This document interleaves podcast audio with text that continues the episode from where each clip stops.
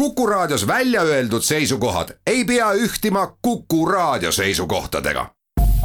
Te kuulate Kuku Raadiot.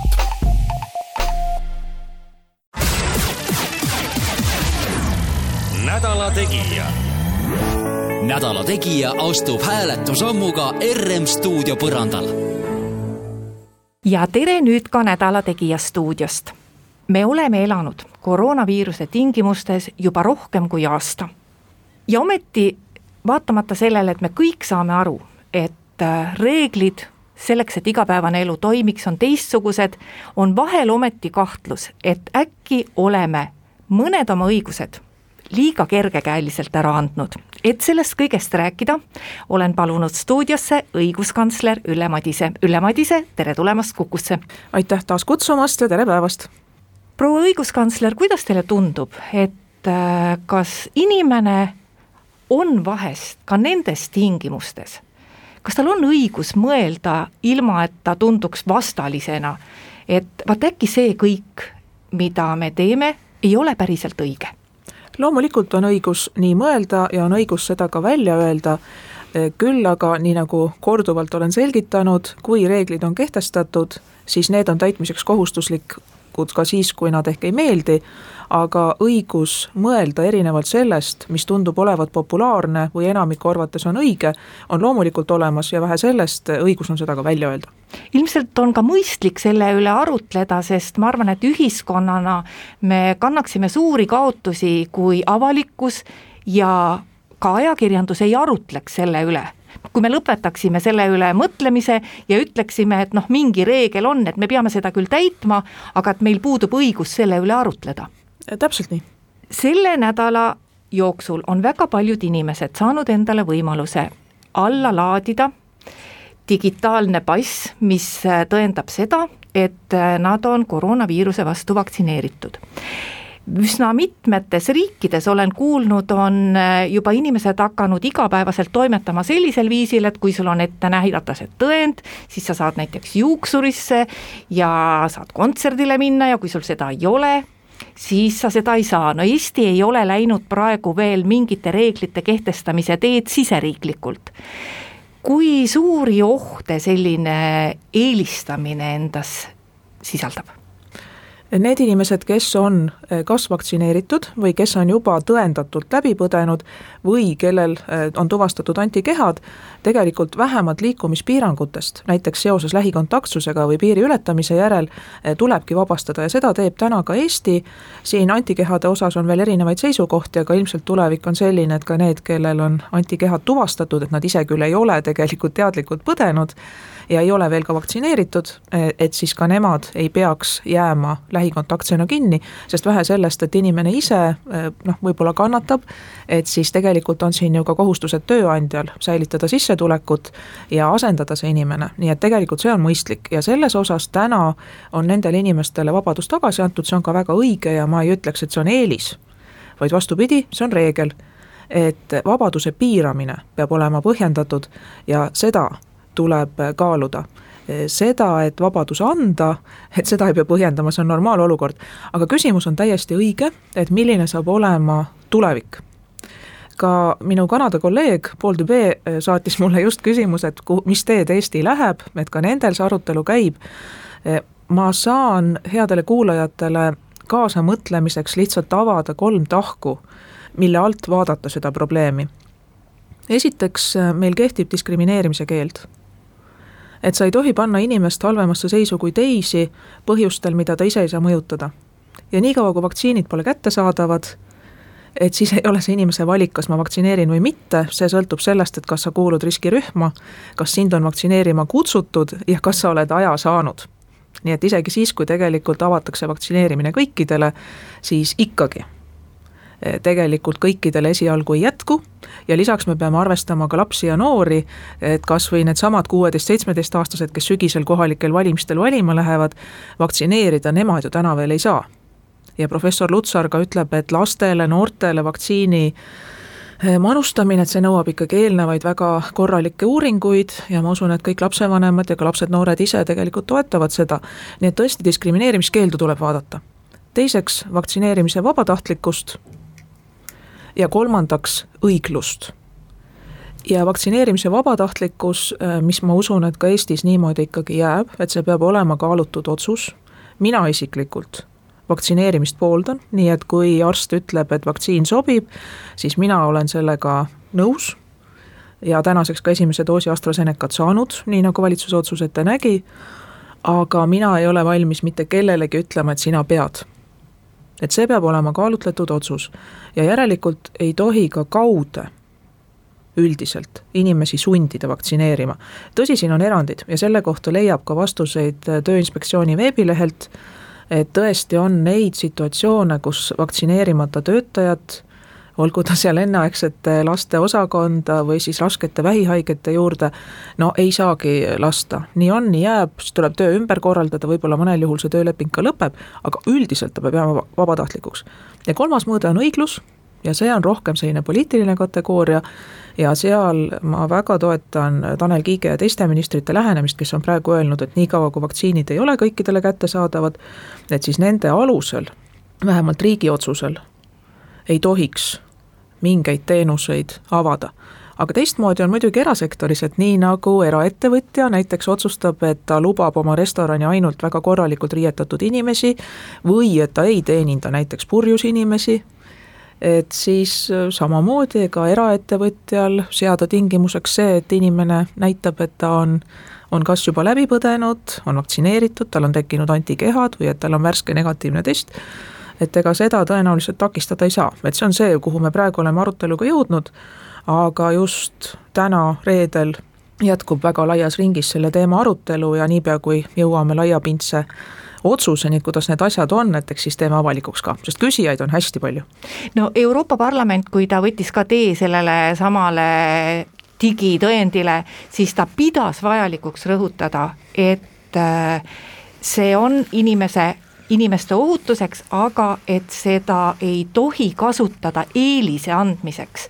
et ma kujutan ette, et kui lugu läheb riikidevahelisse arutellu, arvetas, arvestades seda, et paljud riigid suhtuvad üsna erinevalt, et siis tõenäoliselt see just nimelt, et ühte inimest ei tohi teisele eelistada, võib Euroopa arutelus saada ilmselt noh, see või, see arutelu võibki tänu sellele väga kaua kesta elame-näeme, aga see on tõsi, et me oleme ju näinud ka seda, et kõigile demokraatlikele õigusriikidele eeskujuks oleval Saksamaal eh, siin mõne kuu eest oli küsimus isegi selles, et kas vaktsineeritud või läbipõdenud inimesed tohib lähikontaktsena karantiini jäämisest vabastada. ja isegi seal avalikule arvamusele tuginedes poliitiliselt esialgu jäi domineeriva seisukoht, et vot ei või, et see on eelise andmine ja siis selle peale ka vabariigi aastapäeva puhul kohtunikele esinedes ma just selgitasin, et see, et inimene kasutab oma põhiseaduslikke õigusi teisi ohustamata, ei ole mitte eelis, vaid normaalolukord. ja et ma väga imestan selle üle, et meil eeskujuks olevas riigis võis peale jääda selline arvamus. no õnneks on nad sellest taganenud ja täna tegelikult pigem just nimelt arutavad seda, kas võiks äh, tõenäoliselt nakkusohutuid inimesi lubada siis laiemalt ka erasektori teenuseid kasutama. nii et eks praegu me näeme kõikides demokraatlikes õigusriikides tegelikult seda, et rahva arvamus või see, mida poliitikud kujutlevad olevat rahva arvamus, mõjutab otsuseid hästi vahetult. et see tee sellest kujuteldavast rahva arvamusest kõikidele siduva poliitilise otsuseni on hirmus lühike ja loogilist kainet analüüsi sinna vahele sageli piisavalt ei mahu. et nii ta on paraku igal pool ja, ja ma ei ütle seda hukkamõistmiseks, vaid ikka mõistmiseks. me teeme siinkohal oma jutuajamisse väikese pausi ja läheme hetke pärast edasi. nädala Tegija. nädala Tegija astub hääletusammuga RM stuudio põrandal. nädala Tegija saade läheb edasi stuudios on õiguskantsler Ülle Madise ja vaat äh, sellest äh, nädalast me saime siin Eestis järjest äh, rohkem ja rohkem võimalusi oma igapäevast elu elada, ehk siis me võime jälle poodi minna, mõned lapsed võisid jälle kooli minna ja mõned on väga pahased, et nende puhul see avamisotsus jäi tegemata. et kas see selline mõnedele lubamine ja mõnedele keelamine on raudkindlalt õige otsus, kas see, kas need põhjendused teie hinnangul on piisavad? nii nagu ka mitmes avalikus vastuses siis äh, toitlustusettevõtete pidajatele ja ehitus- ja aiapoodide pidajatele on öeldud, siis õiguskantsleri ametkonna hinnangul paraku ei ole need põhjendused olnud piisavad. ja jällegi, alustades kaugemalt, siis äh, me oleme näinud, kuidas praktiliselt kõikides riikides on kehtestatud avalikkuse hetkeemotsiooni survel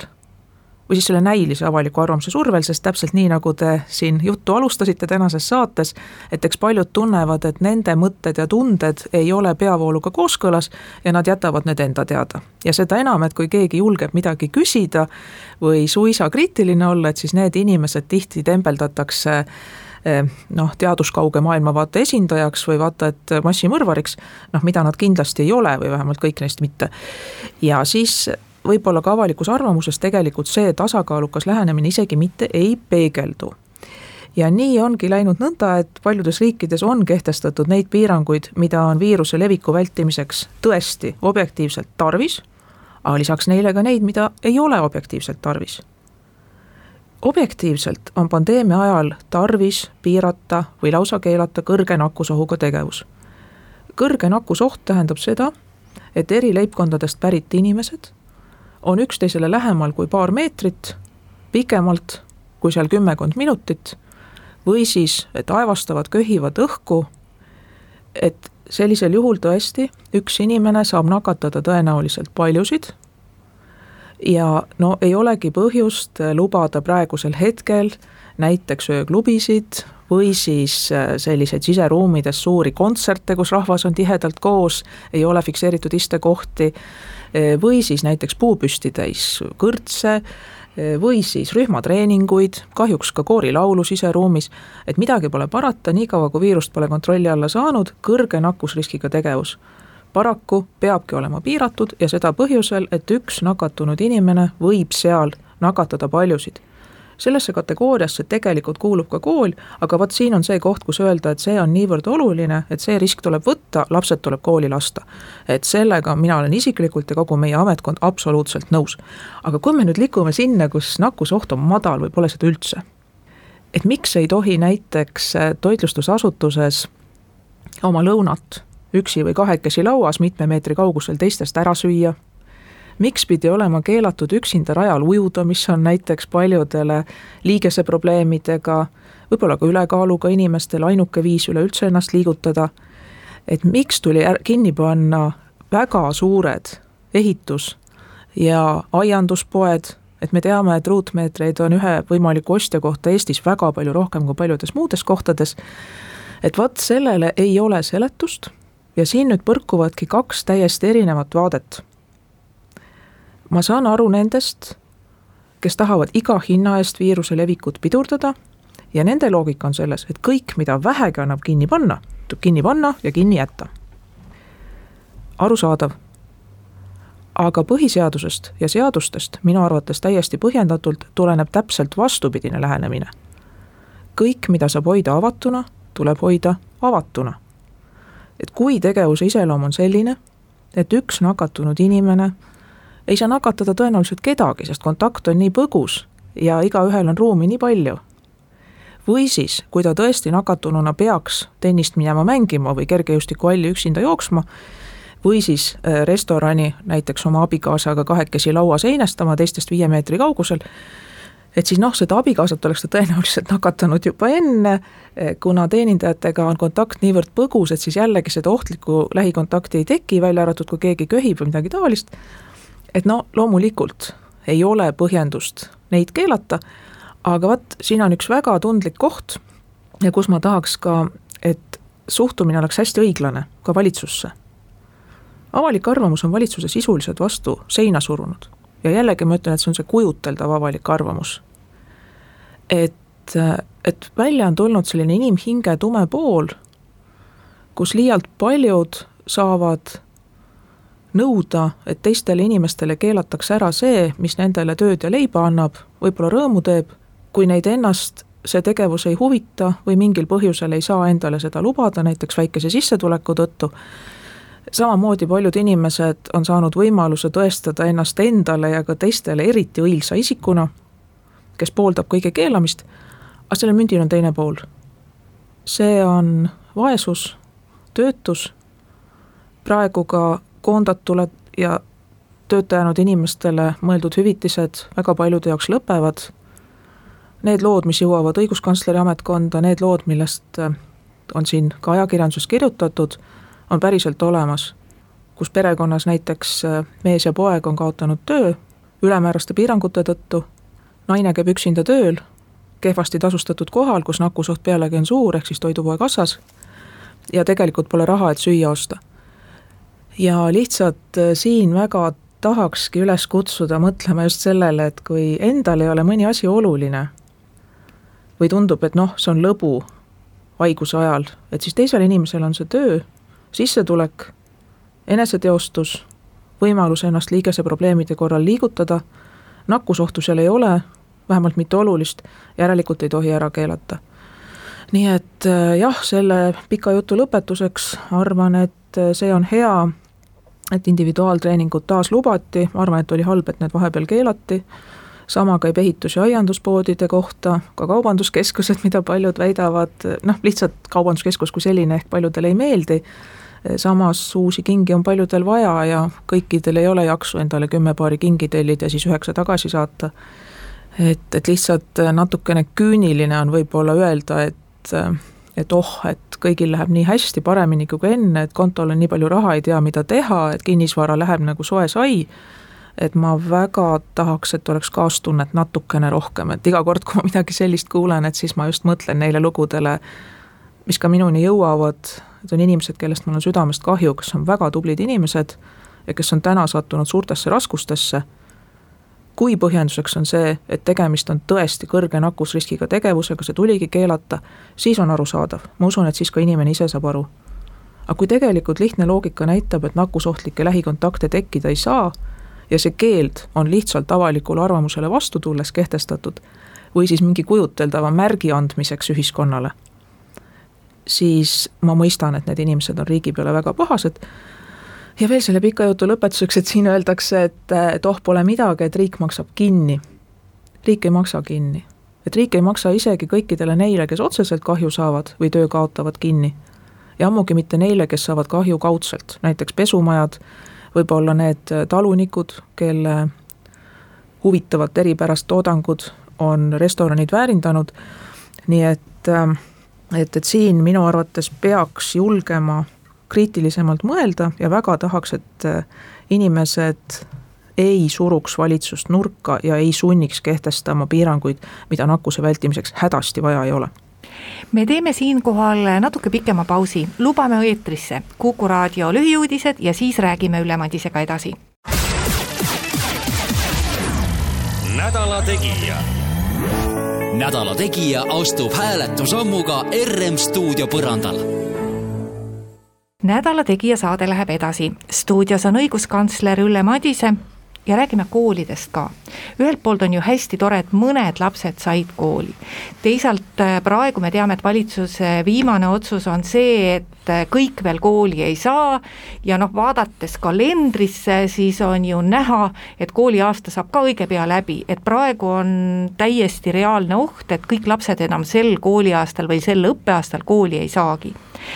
me oleme ja õpetajad on ilmselt väga tublisti korraldanud ja kõik teised koolitöötajad ka seda õppetööd erinevates vormides.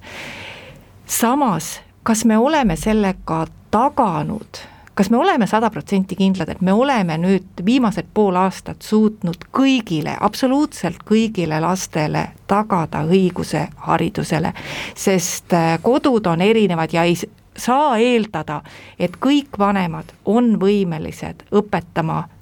noh, algklasse, on võimelised olema abiks vanemates klassides, et hariduse andmine on ju riigi kohustus.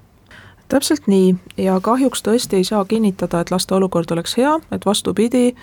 kahjuks neid lapsi, kes on nüüd koolitööst hoopis kõrvale jäänud ja mitte sellepärast, et nad oleks halvad lapsed või et nende vanemad oleks halvad vanemad, vaid sellepärast, et nad on täiesti normaalsed lapsed, lihtsalt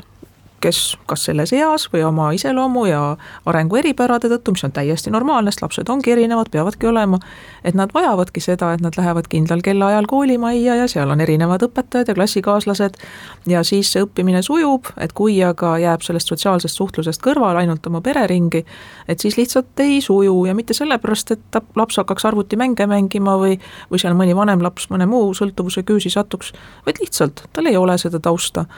ja tõsi on ka see, et vanematel on ikkagi oma töö ja, ja tihti on peres ju ka teised lapsed teises vanuses ja, ja siin näiteks nõuda, et vanemad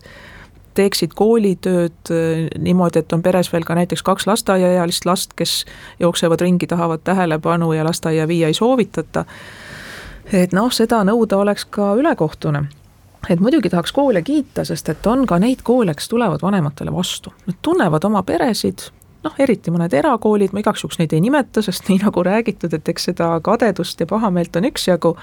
aga kes on tulnud vastu ja lubanud ikkagi koolimajas õppida ka siis, kui koolimajas viibimine on olnud keelatud. siis on väga kihvte õpetajaid, kes kas matemaatika, füüsika, keemiatunde teevad tahvli ees või ka teisi aineid. ja see on selline hoogne, eas Khan Academy stiilis äh, õpetus, mida lapsel on lihtne ja huvitav jälgida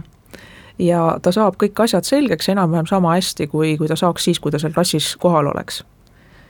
et, et on neid ka, aga noh, samal ajal vaadates meile tulnud kaebusi, et siis kaebavad nii lapsed ise kui vanemad ja õpetajad, et õpetajate koormus sageli on ikkagi topelt, sest ka nendel aegadel, kus koolid on põhimõtteliselt olnud lahti, ehk siis koolimajas on tohtinud koolis käia, siis on ju ikka ühtelugu keegi olnud kas lähikontaktsuse või haiguse tõttu kõrval või noh, positiivse testi tõttu, aga tegelikult on tahtnud õppetöös osaleda ja siis on õpetaja pidanud tegema veel kahes liinis tööd, et klassilastega ja lisaks sellele siis veel ka nendega, kes on kodus. näiteks äh, niimoodi, et nad ei ole ei positiivsed ega ka haiged, nad on lihtsalt lähikontaktsed ja juba mitmendat ringi ja nad tegelikult tahavad õppetöös osaleda. ja üldsegi mitte vähetähtis ei ole koolitoit et tagasi sinna, et, et kui siin üks osa ühiskonnast rõõmustab, et et näed, ongi tore, et on saanud olla lastega koos, on saanud olla oma suvekodus, mõned inimesed on kolinud mitmeks kuuks või nädalaks hoopiski ära kuhugi Hispaaniasse, näiteks on saanud endale seda lubada, mina üldse ei mõista neid hukka, palun teistel ka seda mitte teha, aga selle kõrval on need inimesed, kellel on sissetulek ja töö ära kadunud, kellel on väga raske ja kellele see kvaliteetne koolilõuna lastele, soe lõuna, on erakordselt tähtis on vanemaid, kes on kodus ja jaksavad lapsele selle lõuna teha, on lapsi, kes ise oskavad hästi süüa teha, aga kahjuks väga palju on ka neid, kes ei oska ise süüa teha, ei ole veel selles eas või ei ole õpetatud ja kellel vanemad on ka tegelikult tööl ja nemad on hädas ja neid ei aita ka see külma toidupakk. et tegelikult seesama koolilõuna, soe ja soovitavalt kvaliteetne on hästi oluline ja muide, nendel teemadel on kaebusi ikkagi hästi palju ja üks väga huvitav nüanss, mis on siin ka nüüd meediast läbi jooksnud, on siis võrdsus. et seda on ka muide lapsed ise kaevanud, et et miks mina ei saa kooli minna, kui keegi kuskil mujal saab kooli minna, et siis tema saab minu ees äkki ülikooli astumisel näiteks eeliseid.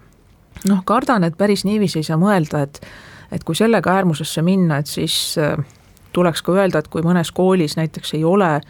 väga toredat eh, matemaatika või saksa keele õpetajat, et siis tuleb teistel ka eh, keelata nende õpetamine ära, et või siis tuleb õpetajatel oma kvaliteeti alla tõmmata. et noh, nii ei saa. et selles mõttes ikkagi seal, kus nakkuse levik ei ole nii suur, et ei saaks lapsi kooli lasta, et võiks tegelikult ikka lasta no ma tean, et õiguskantsleri institutsiooni puhu, poole pöördutakse väga palju igasuguste kinniste asutuste probleemide pärast ja pöördutakse palju ka eakate hooldekodude pärast. ja päris pööraseks läks see olukord ja inimesed olid väga mures, vaat siis, kui ühel hetkel nad ei saanud sinna hooldekodusse minna enam ka vaatama, mis seal toimub. et äh, muidu ju, kui sa käisid oma vanaema või vanaisa või muud eakat sugulast seal külastamas, sa ikkagi said temaga otse rääkida ja sa nägid, mis seal toimub. aga sellel ajal, kui sinna keelati tulla ja see põhjuseks oli nakkusoht, sellel ajal ei saanud isi-, inimesed oma silmaga näha, et kui palju täiendavat muret see olukord tekitas ja kas see noh, oli see nagu õiglane ja põhjendatud, et et, et inimene ei saanudki minna oma vanemat vaatama? jah, kaebusi, kus selle üle kurdeti, oli päris mitmeid ja ka kahjuks traagilise lõpuga lugusid, kus me täpselt ei tea, et mis siis see põhjus oli, et see eakas inimene jäi piisavalt joomata ja õigel ajal pööramata ja tema tekkinud tervisemuredele tähelepanu ei pööratud, et kas, kas oleks asjad olnud teisiti, kui lähedane oleks saanud minna vaatama, et seda enam tagantjärele ei seleta, aga traagikat on olnud tõesti väga palju. Teisalt jälle tahaks kiita nüüd eriti selles teises laines et hooldekodude töötajaid, aga tegelikult ka teiste kinniste asutuste töötajaid, vanglateni välja, et ikkagi on otsitud äh, lahendusi, et mingil viisil seda külastamist ikkagi lubada, kas või õues, aga noh, mõistagi jälle see ei sobi just nendele eakatele, kellega on kõige suurem mure, et kes on tegelikult pigem lamajad ja kes sinna õue tulla ei saa ja kelle seisund vajaks tegelikult tihedamat kontrollimist ja kes loomulikult, kuna nad liikuda ei saa, siis igatsevad veelgi enam, et keegi tuleks vaatama, aga tuppa ei lasta. aga tuleb mõista ka jälle neid kodusid, sest et kahjuks seal on niivõrd haavatavad inimesed, noh nüüd õnneks on väga paljud neist vaktsineeritud ja olukord on selles mõttes parem, et kui keegi selle haiguse sisse toob, et siis see läheb kahjuks nagu kulutuli ja need tagajärjed eakatele, nagu me teame, üldiselt on päris, päris keerulised nii et see on ka jah, mõistetav, aga, aga õnneks on seal otsitud võimalusi, noh omast käest mina vähemalt ütleks, aga eks siin on ka kogemused erinevad, et ega need veebikoosolekud või, või videokõned, mida ka tegelikult siin juhendatakse ja võimaldatakse eakatele, et ega need ikka seda silmast silma kohtumist ja inimlikku soojust äh, ei asenda. et võib-olla noh, meist järeltulevad põlvkonnad tunnetavad seda teisiti, aga vähemalt minul on küll see tunne, et meie keskealised vist ikkagi igatseme ja meie vanemad ammugi ja vanavanemad ikkagi igatsevad seda päris kontakti. kui me rääkisime siin ennist äh, sellest äh, avalikust arvamusest ja inimeste võimalusest asjade üle arutleda, siis kõige teravamaks need arutelud läksid tol hetkel, kui Riigikogus terve noh, oligi sellel kõige suuremal aruteluperioodil see NETS-i seaduse muudatus, ehk siis nakkushaiguste ennetamise ja tõrje seaduse äh, muutmise otsus, mis ju põhimõtteliselt äh, tähendanuks seda, et kuna Terviseamet kõike ise kontrollida ei suuda, et siis politsei või siis munitsipaalpolitsei tuleks talle appi. et et äh, ajakirjandus on äh, kogu seda tulisust äh, kajastanud muidugi omal viisil, aga kuidas teile tundub, kas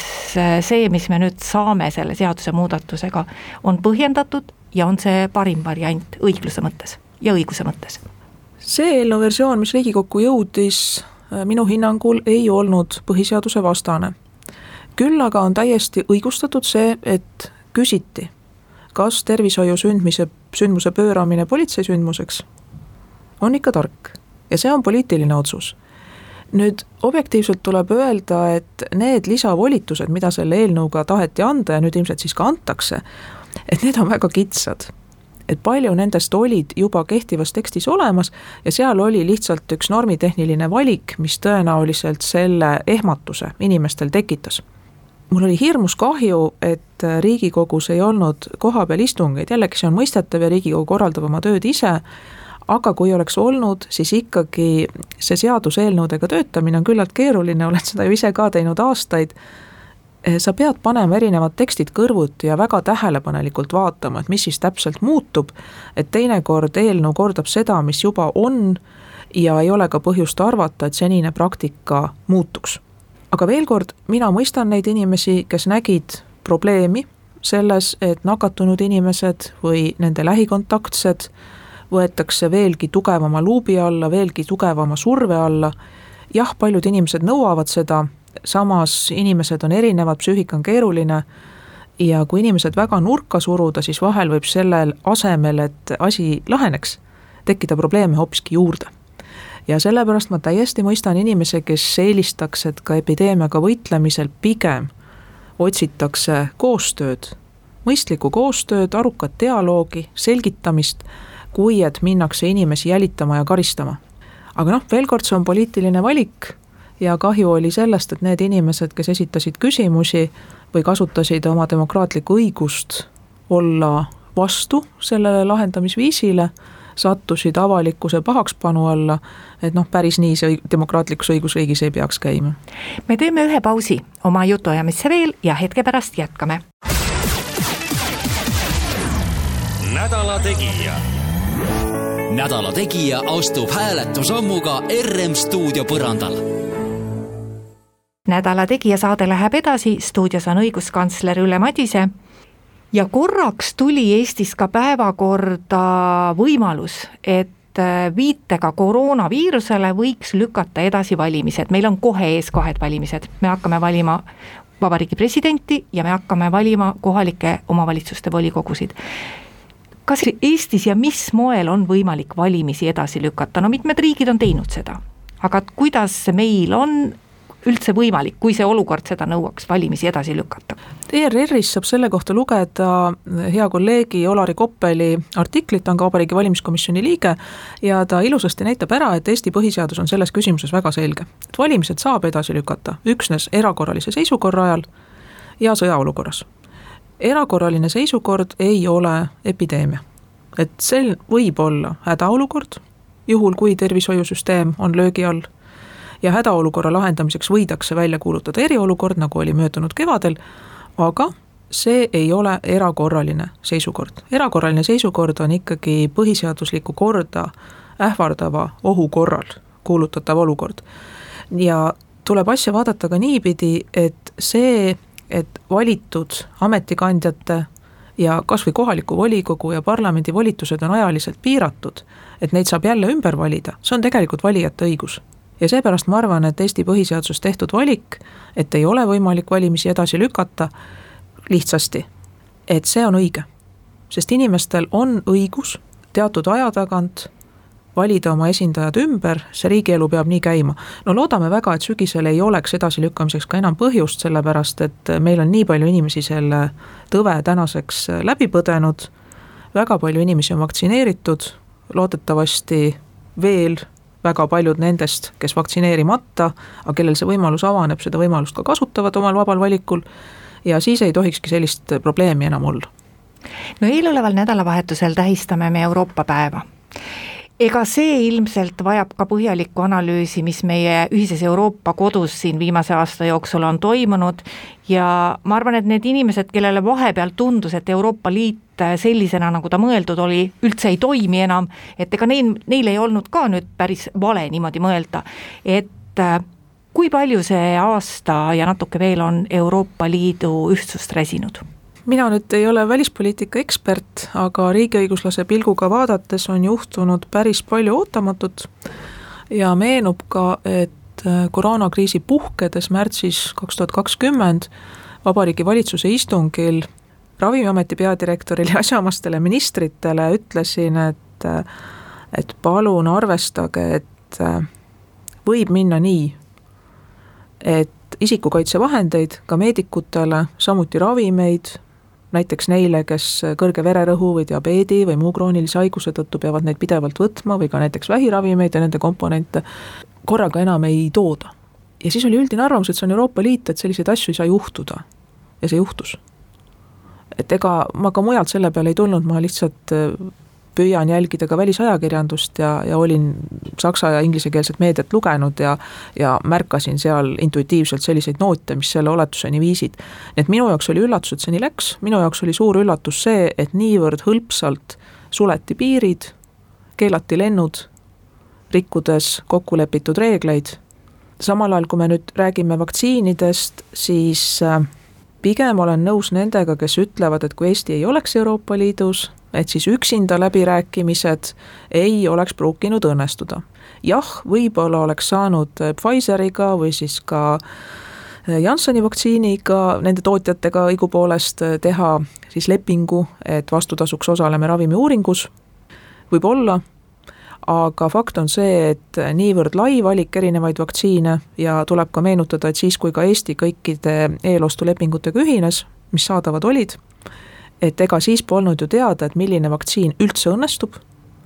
milline on tema tõhusus, millised on tema kõrvaltoimed, millistele earühmadele ta üldse sobib, ja lisaks mäletan ka tollast valitsuse arutelu, kus, kus ka väga toetasin, et kõikide nende lepingutega ühinetakse just selle nimel, et Eesti inimestel oleks võimalikult palju valikuvabadust, et nende põhiõigused oleksid kaitstud, et et Eesti tegi selles mõttes targad valikud ja ilma Euroopa Liiduta ma arvan, et me kõikide nende vaktsiinide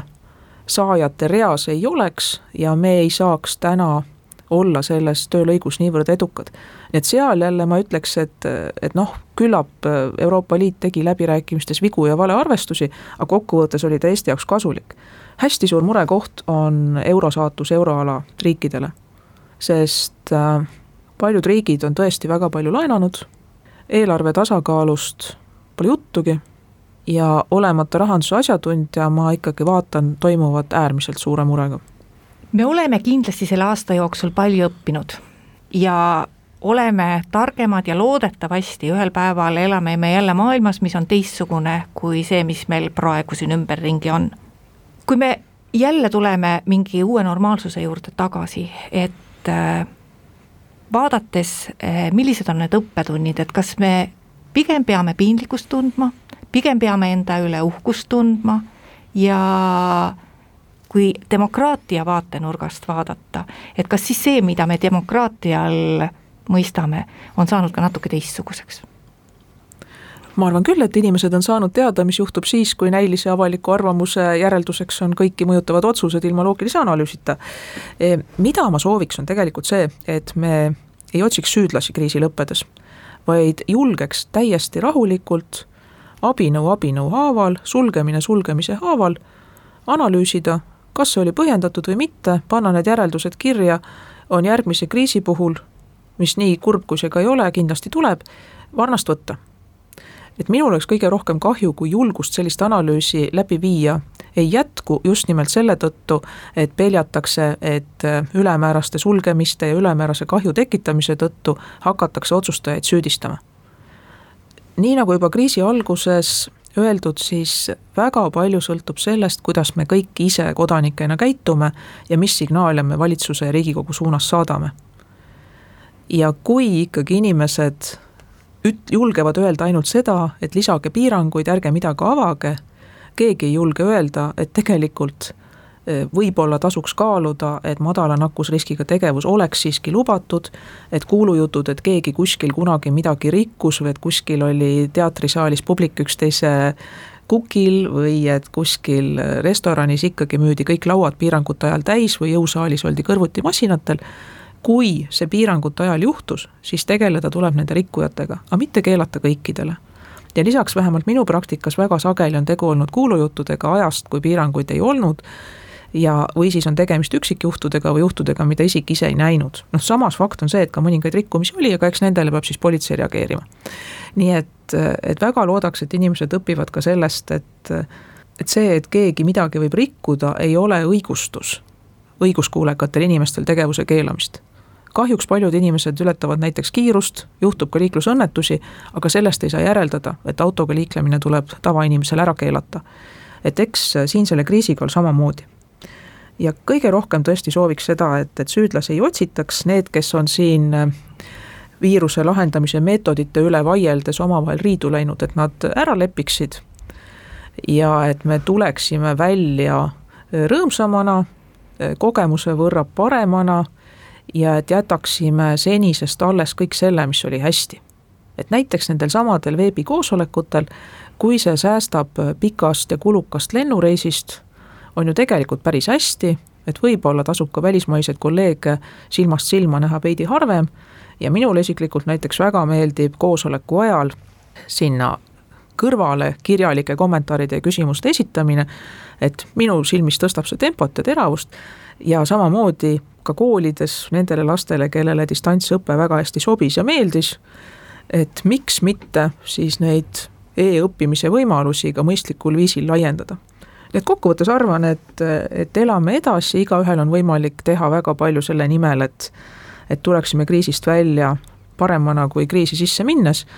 et katsume aidata järele neid, kes said lüüa, loodetavasti need, kelle sissetulek ja töö on ära võetud, saavad selle tagasi, tõusevad jalule, suudavad andestada, nii et lähme lootusrikkalt edasi aitäh, õiguskantsler Ülle Madise tulemast Nädala Tegija saatesse, saatejuht Ulla Lents ütleb kuulajatele ka aitäh kuulamise eest ja järgmine Nädala Tegija eetris juba nädala pärast, kuulmiseni. nädala Tegija. nädala Tegija astub hääletusammuga RM stuudio põrandal